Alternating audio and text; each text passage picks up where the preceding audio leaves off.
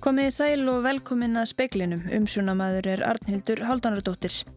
Pólsk stjórnvöld stiðja Íslenska ríkið í landsréttarmálinu fyrir yfirdeild mannréttindadómstóls Evrópu. Pólverjar hafa sætt hardaríka gríni fyrir afskipti framkvæmdavaldsins af dómstólum. 22 ára gömul kona hefur farið í fjölmarkar aðgerðir í Svíþjóð eftir bruna í Mávalíð í Reykjavík í oktober. Hún og kærasti hennar brunnu mjög ítla í eldsvoðanu. Starfslokk Haralds Jóhannessen kostar sangkvæmt upplýsingum frá Dómsmálaráðuneytinu tæpar 57 miljónir króna. Stór hluti frakka stiður verkfallsaðgerðir í landinu óerðir brutust út í París í dag. Og hátíðaskapið var ekki efst á baui í 70. afmæli Allandshafsbandalagsins í London í vikunni. Íslenska ríkið hefur fengið óvæntan og óumbeðin bandamann í landsréttarmálinu fyrir yfirdeild mannréttinda domstóls Evrópu. Pólsk stjórnvöld hafa líst yfir stuðningi við málstað Íslenska ríkisins sem domstólinn úrskurðaði að hefði farið á svig við Evrópureglur við skipan dómara við landsrétt. Pólsk stjórnvöld hafa sætt hardri gaggrinni heima fyrir og í öðrum löndum fyrir að hafa bein afskipti af dómskerfinu þar í landi. Meirum málið í sjónvarsvettum klukkan sjö. Solrún Alda Valdorf, 22 ára gömul kona sem brann mjög ítla í eldsóða í kjallara íbúði í Mávalíð í Reykjavík í lók oktober lámiðli heims og helju á sjúkrahúsinu í Lindsjöpping í Svíþjóð í þrjár vikur eftir brunan. Bæði hún og kærasti hennar hlutu brunasár á mjög stórum hluta líkamanns í brunanum. Þórun Alda Gilvadóttir, móðir Solrúnar sem er í Lindsjöpping, segir að hún sé á Batavegi. Hún var náttúrulega og er ennþá á gjörgjæslinni hérna, brunadeildin er skilgreind gjörgjæsla og við erum búin að vera hér síðan 25. oktober og í eiginlega má segja næstu þrjáru vikur var hún í sagt, haldi sofandi og í bráðri lífsættu í bara langan tíma. En hún er stöðu, hún er konufætur, hún er fann að tala, hún er laus við öndunavélina eins og þau bæði byrjuði endurhæfingu en aðgerðir verða margar. Hún á eftir að fara í fjölda aðgerða. Saði Þórun Alda Gilvadóttir í viðtali við Jóhann Bjarnar Kolbensson. Lauragla í París beitti táragasi til að sundra hópi fólks sem kveikti í bíl og braut rúður á fundi sem var emt til í dag í austurluta borgarinnar til að mótmæla fyrirhugðum breytingum á líferiskerfi frakka. Tugir voru handteknir. Talið er að 250.000 manns hafi mætt til mótmæla funda í París og að minnst á kosti 450.000 í landinu öllu. Almenningssamgöngur í París og öðrum stórborgum Fraklands liggja niðri vegna verkfalls. Ríkis járbröytirnar SNCF tilkynntu í dag að áallun nýju af hverjum tíu háhraðbröytarlestum landsins er þið feld niður. Jafnframt er þið mikil röskun á ferðum Júrostarlestana millir Breitlands og Fraklands og sömulegis lesta til ríkja í norðurhluta Evrópu. Nánar verður fjallaðum verkvöldin í Fraklandi síðar í speklinum. Dómsmálaráðuneytið hefur svarað fyrirspurn fjárlaðanemdar alþingis um starfslók ríkislauruglustjóra frá því í morgun. Starfslók Haralds Jóhannessen kosta tæpar 57 miljónir króna. Ráðuneytið segir að starfslokk Haralds Jóhannesson verði ekki fjármögnu sérstaklega heldur rúmist innan fjárveitinga málaflokksins. Sankvamt kostnaðamatti ráðuneytisins muni þau kosta 56,7 miljónir með launatengdum göldum. Í svari til ráðuneytisins segir að þar sem ríkislörglustjóri að baki langan embættisferil njóti hann mikillar réttinda. Haraldur hafi gengt embættin í 21 ár. Hann var endurskipaður á síðasta ári til 5 ára og þegar starfslokarsamningun var gerður átti hann 46 mánuði eftir af skipunatímanum að tekna tilliti til byðluna og orlofsréttar. Þá segir að Haraldur hafi ekki brotið af sér með neinum hætti í starfi og því hafi ráð þeirra ekki verið heimilt að víkja honum úr starfi. Frumkvæðið þurfti að koma frá honum. Ekki hafi verið annar grundvöldur fyrir starfslokum. Kostnarmat starfslokasamningsins er 56,7 miljónir króna með launatengdum gjöldum sangvað tölum frá dómsmálaráðanreitinu. En til samaburðar næmi laun Haralds út skipunatíman 104,6 miljónum með launatengdum gjöldum. Þannig nefni starfslokasamningurinn með launatengdum gjöldum 54% af launum út skipunatíman. Eva Björk Benedikt stóttir saði frá. Gróðureldarnir í Ástralíu undanfarna mánuði hafa valdið mikill í mengun með fram austurströnd landsins. Margir hafa orðið að leita sér læknishjálpar vegna öndunar örðuleika. Eldar hafa logað á þessum slóðum frá því sumar og greindu yfirvöld umhverfismála í nýja söður veils frá því í morgun að loftmengun af þeirra völdum hefði verið einhversu mesta sem mælst hefði í Ástralíu. Oft áður hefði loft verið slemt í eldum, til dæmis í gróður eldum við Sidney árið 1994 og í eldum sem geysuðu frá desember 2001 og fram í janúar 2002 en um þá hefur oft verið talað um svört jól. Ástandi núna hefði vara mun lengurinn í þessum tilvikum og útbreysla eldana verið meiri. Miklir eldar hafa verið næri sittni undan farnar vikur og margar viðvaranir hafa verið gefnar út um mengun í lofti. Í morgun loguðu eldar á meirinn tíu stöðum í nágræni borgarinnar. Um mánaðamótin höfðu næri 2 miljónir hektara lands brunnið í nýja Suður Vels, um 200.000 í Kvínsland og einni hafa kviknað eldar í Suður og Vestur Ástralíu á undanförnum mánuðum. Kristján Róbert Kristjánsson saði frá.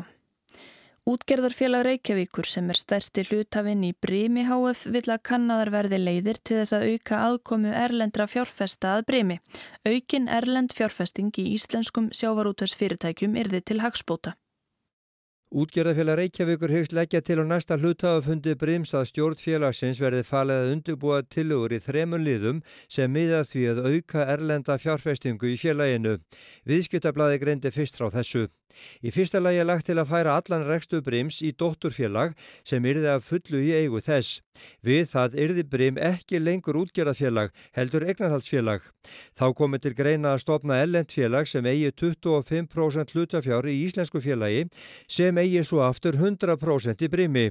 Erlendafélagi verði skráð á hlutabreyfamarkaði útlöndum, til dæmis í Kaupull í Noregi. Þriðja tillegan fjallar um að kanna aðra leiðir sem geti auki möguleika erlendra aðila á óbeinum fjárfestingum í brimi. Í greinargerð með tillögu útgerðarfélags Reykjavíkur er bent á að beinar fjárfestingar erlendra aðila í íslensku fyrirtæki sem stundi fiskveðara vinslu hér á landi séu óheimilar. Félagi telli hins verið að það sé áhugi hjá erlendum aðilum að fjárfesta óbeint í sjáurútvegi á Íslandi og að slík viðskipti yrðu til hagspóta. Ágúst Ólafsson saði frá.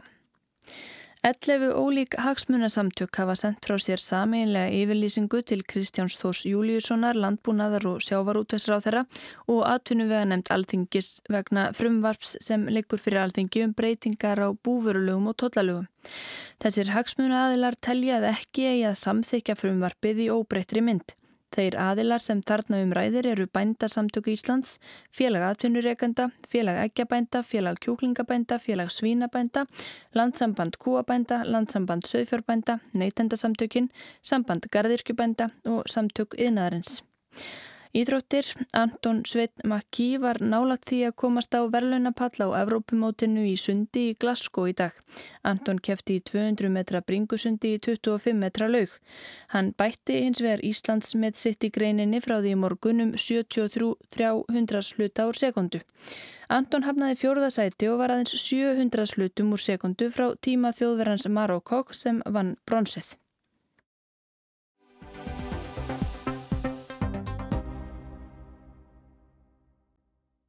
Stórtækar verkfallsaðgerðir hafi í dag lamað Frakland og hörðumótmæli farið fram víða í landinu. Megin þorri þjóðarinnar er á móti breytingum sem Emmanuel Macron, Fraklandsforseti, hyggst gera á eftirlauna og lífeyriskerfinu. Í morguns árið er venjulega kraðak á fjölförnustu lestarstöð Evrópu, gardu norrstöðinni í París, en þannig var það ekki morgun. Lestarstjórar og aðrir starfsmenn eru flestir í verkfalli. Nýja af hverjum tíu lestum sem í dag áttu að flytja farþega, landsluta og milli standa hreyfingarlausar á teinunum og af 16 leiðum í neðanjarðalestarkerfi Parísarborgar er aðeins 5 virkar. Fréttamenn fluttu í morgun fréttir af kyrstæðum lestum og þöglum brautarstöðum.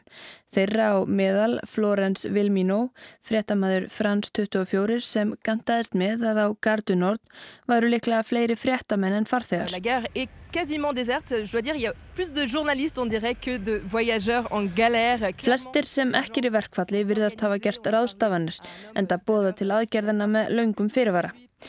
Því fer fjarrri að starfsmenn játbröytarfélaga séu þeir einu sem sitja heima. Lauruglumenn og lögfræðingar hafa líka lagt niður störf. Fóreldrar sem hugust fylgja börnum sínum í skóla í morgun komu sumir að lokuðum dyrum því stór hluti kennara og annars starfsfólk skóla er í verkfalli.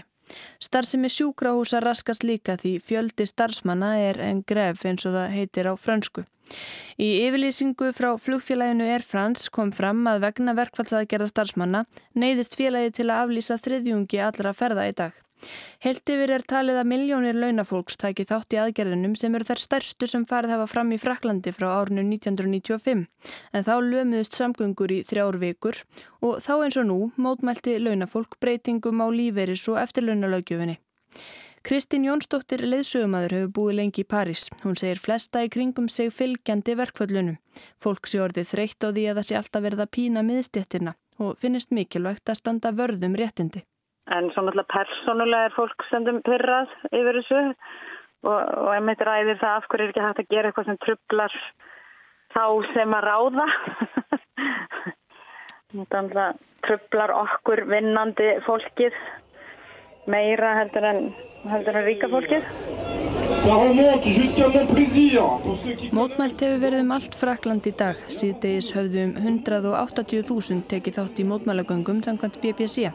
Öryggiskesla hefur verið hert í París og víðar. Kristínu skilst að það séu 6.000 lauruglumenn á vakt í borginni þrátt fyrir að lauruglumenn hafi búið verkfull sjálfur.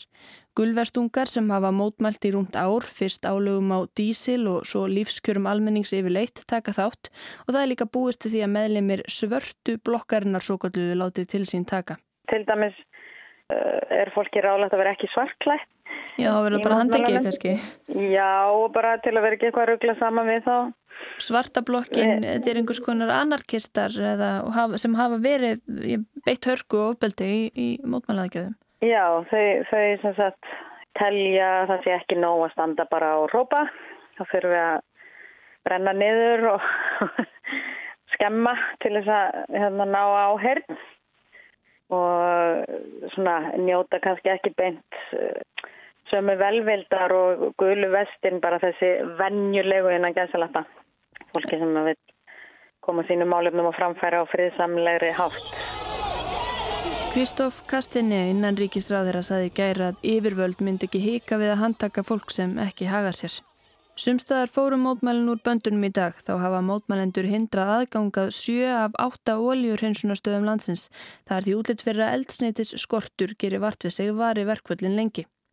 Aðgerðirnar njóta mikils stuðnings meðal almennings. Fréttastofan Frans 24 vísar í skoðanakönnun frá rannsóknarfyrirtækinu BFA sem sínra tæplega 60% frakka styðja verkfallsaðgerðirnar, engum fólk sem er virt á vinnumarkaði eða 72% þess. Stuðningurinn er líka mikil meðal vinstri sinnaðra og meðal ungs fólks. Stuðningurinn er minni meðal eldri borgara, 54% þeirra eru andvýr verkfallinu, þá er mikil meiri hluti stuðningsmanna miðjuflokk sem Manuel Macróns, fraklandsfósetta, La Republican Mars, á móti verkfallinu, tæp 80%. Fórustumenn verkefliðsfélaga hafa hóta því að halda áfram verkfalli þar til Makrón hættir við breytingarnar á lífeyriskerfinu. Nú eru 42 ólík lífeyriskerfi í landinu. Makrón vil búa til eitt sameinlegt kerfi í því kerfi myndi hver starfsmæður fá punkt fyrir hvern unnin vinnudag og þessum punktum er þeir síðar breytt í lífeyriskreðslur. Meiri hluti þjóðarinnar er sammálaði að það þurfa að breyta kerfinu en aðeins þriðjungur treystir Makrón fyrir því verkefni. Makrón segir kerfi bæði óréttlátt og dýrt en verkalýsfélög segja að lagabreitingin myndi leiða til þess að launafólk þurft að vinna mun lengur en nú til að fá full lífeyrisréttindi. Síðastlegin áratug hefur lífeyrisaldurinn í Fraklandi verið hækkaður úr 60 árum í 62 en hann er þó óvíða lægri í ríkjum OECD. Verði af lagabreitingum Makrons missa lögfræðingar, lestarstjórar, sjómenn og óperusöngverar og fleiri stjettir sem í dag eru með sérstaklega góðréttindi spónur aski sínum. Fá lægra greitt eða þurfa að vinna lengur. Í dag þurfa lestarstjórar til dæmis einungis að vinna til 52 ára aldurs. Verkalýsreifingin telur að nýja kerfi myndi refsa þeim sem að hætta að vinna fyrir 64 aldur. Þeir fengju læri greiðslur. Líferisaldurinn verði 62 ár en fólk þurfi einhvað síður að vinna lengur til að njóta fullra réttinda. Kristín segir marga óttasta breytingarnar bytni á fólki sem stendur höllum fæti, einstæðum mæðurum og fólki sem býr við fátækt. Þá sé það mjög stert í frökkum að vilja ekki láta eftir réttindi sín. Hún segir að upptökin að verkvallsækjarnum megi reykja til stjættarfélaga lestarstarfsmanna sem myndu þurfa að vinna nokkrum árum lengur í kerfi Makrón. Fólk almennt er kannski ekkit beint að móti því að þeir missi þessi réttindi.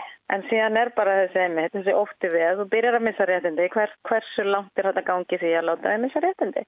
Samfélagið er lamað og það er hættu því að ástandið var í lengur enn í eitt dag. Þegar að ljósta samgöngur verða lamaða fram á mánudag, hætti Makrón ekki við. Kristín segir erfitt að fullir þau um hversu lengi aðgerðirnar standi. Mín tilfinning er svo að þetta gæti alveg orðið svolítið hardt og langt. Við séum aftur að fara inn í desember með, með mótmælum og leðendum og svo leðilegtinni fyrir að alla búði bara að loka með fleikum og nelt fyrir all, all gler sem að voru heil. Stóra spurningin er þessi, lætur Makrón undan þrýstingi eða stendur hann keikur? Kristín segir Makrón venjulega standa fast á sínu. Á sama tíma verðist engan bilbu vera að finna á gulvestungum. Hver verður þróunin í Fraklandi? Kristín sér fyrir sér einhvers konar uppgjur. Þetta snúist ekki bara um líferinn. Það hafi lengi verið samdráttur og frakkar hafi mist allan sinn yðnað á landi. Það er einhvern veginn ekkert eftir þá nefn einhver svona starf í einhverjum bankamarketing og nú er hann í hrigalands andrætti. Það er verið að segja fólki hérna í böngum og fjármálastofnunum og alls konar.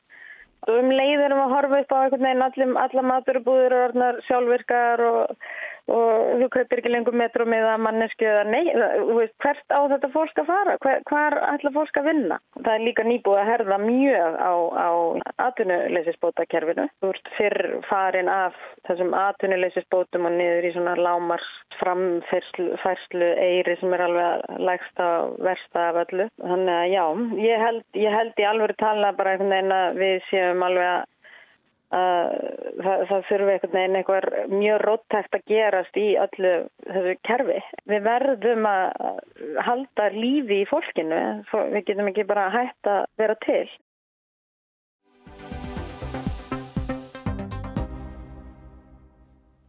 Þegar ákveði var fyrir einu og hálfu ári að sjötugs afmæli NATO erði haldið í London ætlaði breska stjórnin að nota tækifæri til að sína styrka stöðu sína í alþjóðasamfélaginu. Breitland erði þá gengið úr Evrópusambandinu, Breitum var þó ekki mikið úr þessu tækifæri.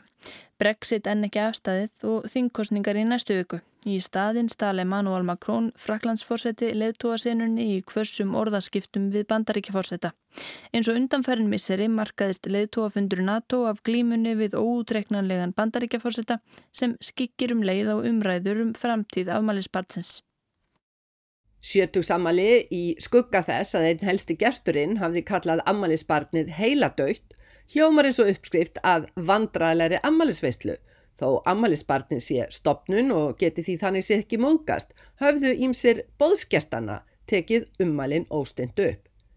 Í viðtali haust notaði Emmanuel Macron, fraklandsforseti, þetta orð heiladautt um NATO, allarsasbandalagið.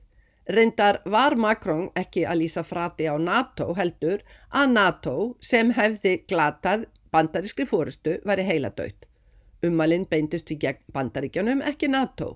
NATO skorti strategíska og pólitíska stefnu. Nú þyrti að endurmetta hlutverk NATO í ljósi þess hversu mikið, öllu heldur lítið, bandaríkin legðu sig fram í NATO. Macron orðaði þarna nokkuð skarplega þetta umhugsunar og umræðu efni alveg síðan Donald Trump varð bandaríkjaforsetti.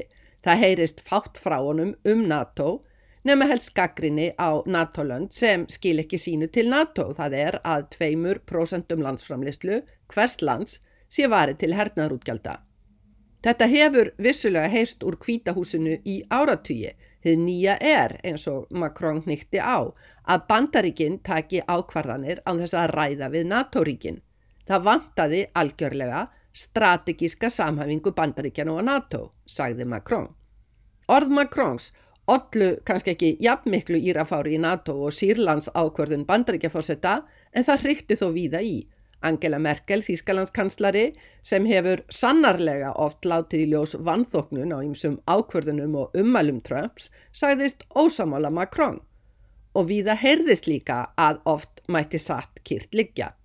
Orð Macrons um bandalagið heiladauða bergmáluðu í tveggjadaga ammælisveislu NATO hér í London, þá líka þegar Macron og Trump sátu á gullstólum á sameilegum bladamannafundi. Trump byrjaði á að nikja á þessu með framlægið allt á uppleið og NATO líka stórbatnað undanfærin þrjú ár, undirskilið að það var allt tónum að þakka. Macron veit hvað Trump kann að meta og rósaði hann í bak og fyrir um framlögin en hann rakti rækilega skoðun sína. Það vantaði strategíska umþeikingu í NATO. Á endanum var Trump nóg bóðið. Bandaríkin hefðu fullt af bardagamönnum ISIS, Íslandska ríkisins svo kallaða, undir lás og slá og þeir var í flesti frá Evrópu. Uh, would you like some nice ISIS fighters? Look, I can give them to you. You can, take, you can take everyone you want. Let's be serious. Uh, the very large number of fighters you have on the ground are ISIS fighters coming from Syria, from Iraq and the region. It is true that you have foreign fighters coming from Europe, but this is a tiny minority of the overall problem we have in the region.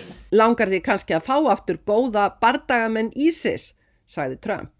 Macron gæti tekið alla sem hann vildi. Macron tók ekki undir grínið, þetta væri alvörumál, vissulega bardagamenn frá Evrópu en staðreindur svo að bardagamennir væru flestir úr heimsluta átakana. Þarna þótti Macron setja ærlega ofan í við Trump og leðrættan í þokkabótum staðreindir. Trump fór þá að ræða skatt frakka á bandarisk tæknifyrirtæki og þó fyrirtækin stittan sjálfan ekki, sagðan, gætu bandaríkjaman svara þessu með skatti á fransk vín. NATO alveg óviðkomandi en Trump virtist þarna áhuga samari um að ná sér niðri á Macron en rökraða NATO. Þessi orðaskipti fórsetana og svo myndband þar sem Macron og Justin Trudeau, fórsetsráð þeirra Kanada, virðast gera grína Trump, hafa orðið fundafréttinnar. Og svo að Trump afbúðaði sig á síðasta blagamannafundin og komið að slíkum fundum, sagðan. Þó ammaliðsbarnið sé komið á lögbóðin eftirlauna aldur er ekkert slíkt í bóði, en já, Það er höfuðverkur að eiga við ódreiknaleg bandaríki Trumps. Hvort sem Trump á eftir ár eða fimm ár í ennbætti verður hann valla eilífur þar en fimm ár gætu orðið NATO erfið. Með ódreiknalega fórsetan er það eins og Jens Stoltenberg, framkvæmdastjóri NATO, sagði í Norranúsin í sumar. Það mætti þó beina aðteklinni að gjörðum bandaríkjana ekki aðeins orðum Trumps. En já, Þetta var reyndar áður en Trump brást bandamönnum NATO kurtonum. Ammaliðsbarnið átti auðveldar í æsku með einn kláran óvinn í kaldastriðinu. Einn hliðar áhrif af Trump er öll orkan sem í að eiga við hann og svo staða virðist þá drepa á dreif nöðsilegum umræðum um framtíð NATO. Sigrún Davidsdóttir saði frá. Professor við Háskóla Íslands segir að frekar eigi að beina sjónum að því hvar spillingar hætta sé í samfélaginu en að spyrja sig hversu spilt samfélagið sé. Ímislegt í kerfinu geti stuðlaðið hegðun sem sé spilt eða þá annara en almennings. Það kom fram í speklingum í gera að dæmtu verið fjóru málur sem tengjast mútugreislum fyrsta málið frá árunnu 1944. Það kom líka fram að lögin eru nokkur skýri það er brot á lögum að múta og þykja mútur.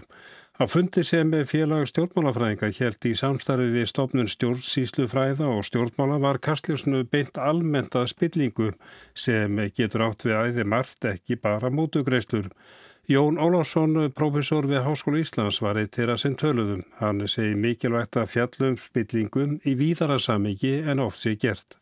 Við höfum svona frekar þraunga svona grunnhugmyndum spillingu þar sem að, að það er fyrst og fremst embættismadur eða einstaklingur sem er á einhvern hátt í ofinberu hlutverki sem að misnotar eh, stöðu sína í þá einhverja engahagsmuna sinna eða annara. Skynsanleira sé að líta á spillingun eða ræðum hana út frá þeir sem byggja sína starfsemi á trösti almennings Það er ekki bara við um stjórnmálamenn heldur líka fyrirtæki og fleiri. Hætt sér við að trausti sér misnótað í þáu sér hagsmöran. Og þá sjáum við kannski að, að, að, að spilling nær út fyrir uh, það sem er ólöglegt. Uh, auðvitað er kannski stór hluta því sem við myndum vilja flokka spurning, sem spillingu ólöglegt aðtæfi. En það getur líka verið ímislegt í kerfinu sem að stöðlar að því, að stöðlar að hegðun sem er spilt eða er í þáu annara en almennings Og, og þetta geta verið, þetta er bara eins og gerð samfélagsins, ég meina smæðin í íslensku samfélagi eða hugsanlega að Íslands samfélag er að mörguleiti gamaldags eða eitthvað slíkt, það getur stuðlað því að, að þeir sem að njóta almanna tröst, þeir séu rauninni að beita sér í, í þá annara en almennings. Jón bendir á að eftirlistofnarnir hafi bent á tregðu hér á Íslandi við að takast á við eða horfast í augu við spillingar hættu. Mikilvægt sé að fræð og þjálfa fólk til að takast á við þessi mál. Þetta getur verið flókin mál til dæmis aðferði við peningaþvætti. Þannig ég held að, að þegar við erum að tala um spillingu þá sé gott að, að sko vera ekki of, horfi ekki of þröngt á hvað spilling sé og líka hugsa kannski meira um hvar sjáum við spillingar hættur frekar heldur en að spyrja spurningar hversu spilt er þetta samfélag. En er það svo að spillingarhættan á Íslandi sé viðvarandi vegna smæðarlandsins og hagsmöna tengslan? Ég held reyndar að, að í nútíma samfélagi þá sé spillinga eitthvað sem alltaf þarf að verjast. Ég held að sé ekki hægt að útrýma spillingu, ekki frekar en við útrýmum glæpum eða, eða einhverju slíku. Spilling, þar sé að spillingarhættur eru alltaf til og þegar eru spillingarhættur þá er einhver staðar einhver spilling það sem að, að stjórnvöld og auðvitað almenningur og fjölmiðlar þurfa alltaf að vera á varðbergi gegn eru spillingar hætturnar og sjá hvar spilling getur komið upp og auðvitað vera síðan vakandi yfir hinnum kannski raunverulegu málum. Það er auðvitað sjaldan sem að, að koma upp uh, svona mál eins og samhérjamálið núna. En sko það er alltaf aðtilisvert að einu leiti að þar höfum við sagt, mikinn gagna leka sem að gefur uh, hérna, fjölmjölamönnum, það eru fréttamenn sem að fara að vinna því málið er ansvonarbladamenn og þeir hafa umtalsverð gögn sem að koma sem er lekið til þeirra og það er í ljósi þessa sem þeir geta upplýst um málið eða flett ofan af því. Uh, það þarf að vera hægt að stundar ansvonarbladamennsku án þess að þessi lekar Það er að segja að bladamenn þurfa að hafa tækifæri, að fjölmjölumenn, tækifæri og aðstöðu til þess að beita sínum eigin eh, aðferðum til að rannsaka mál og, og leita að gögnum, leita að merkjum um spilling og leita að merkjum um peningaþvætti og annað slíkt. Hann segir ekki sé að trista á stóra leka til að upplýsa mál. Það verði ekki lekar um öllu fyrirtæki sem séu til dæmis að stunda peningaþvætti. Ef menn vilja virkilega leita að slíkum málum og rannsaka þau þá þarf að, að byrja á byrjuninni. Og ég held í dag að þá séu menna, íslensk fjölmiðlun hún er algjörlega vann búin að takast á við þetta. Bæði bara hvað snertir mannabla, peninga uh, aðstöðu og svo framvegs En er þetta að tala um að spilling ríkja á Íslandi eða stýst málið frekar um spillingar hættu? Jón vil frekar tala um spillingar hættu og ég held að það sé miklu skinsamlegri leið vegna þess að það er erfitt að mæla spillingu. Uh, það eru ymsa leiðir til þess að við fengja uh, einhvers konar niðurstöður um hversu spilt einhvert samfélag sé. Og sömuleiti er líka bara erfitt að segja hvað gagnast okkur akkurat uh, svo niðurstað Ísland sé mjög spilt eða ekki mjög spilt eða Ísland sé spiltast Norðurlandana því að það er sæti nummer 14 en ekki nummer 12 Þetta er allt frekar léttvægt að mínum að ég held að sé miklu mikilvægur og gagleira að spyrja sig hvað er það í kerfinu, í samfélaginu sem er líklegt eða, eða getur skapað spillingarhættur? Og takast á við þær því að við verðum að takast á við spillingarhætturnar alveg bursið frá því hver spillingin er í raun og veru. Þetta var Jón Ólafsson Arnar Páll Haugsson talaði við hann. Það var meðal efnis í spekli kvöldsins að pólsk stjórnvöld stiðja Íslenska ríkið í landsréttarmálinu fyrir yfirdeild mannréttinda domstóls Evrópu. Pólverjar hafa sætt harðrika gríni fyrir afskipti framkvæmdavaldsins af domstólum. 22 ára gömul kona hefur farið í fjölmarkar aðgerðir í Svíþjóð eftir bruna í mávalíð í Reykjavík í óttabur. Móður hennar segir henn að vera á batavegi. Starfslokk Haralds Jóhannessen kostar sangat upplýsingum frá dómsmálaráðuneytinu tæpar 57 miljónir króna. Stór hluti frakka stiður verkfallsaðgerðir í landinu og erðir brutust út í París í dag. 11 ólík hagsmunasamtök hafa sendt frá sér sameinlega yfirlýsingu til landbúnaðar og sjávarótisráðara vegna frumvarpsum breytingar á búfurulögum og tollalögum sem liggur fyrir alþingi. Og veðurhorfur á landinu til miðnættis annað kvöld fremur hæg norrlæga átt en strekkingur austast viða þurft og bjart veður á morgun en dáli til jélum landið norðaustanvert, kallt í veðri. Fleiri ekki speklinum í kvöld, tæknimaður í útsendingunni var Jón Þór Helgason. Verðið sæl.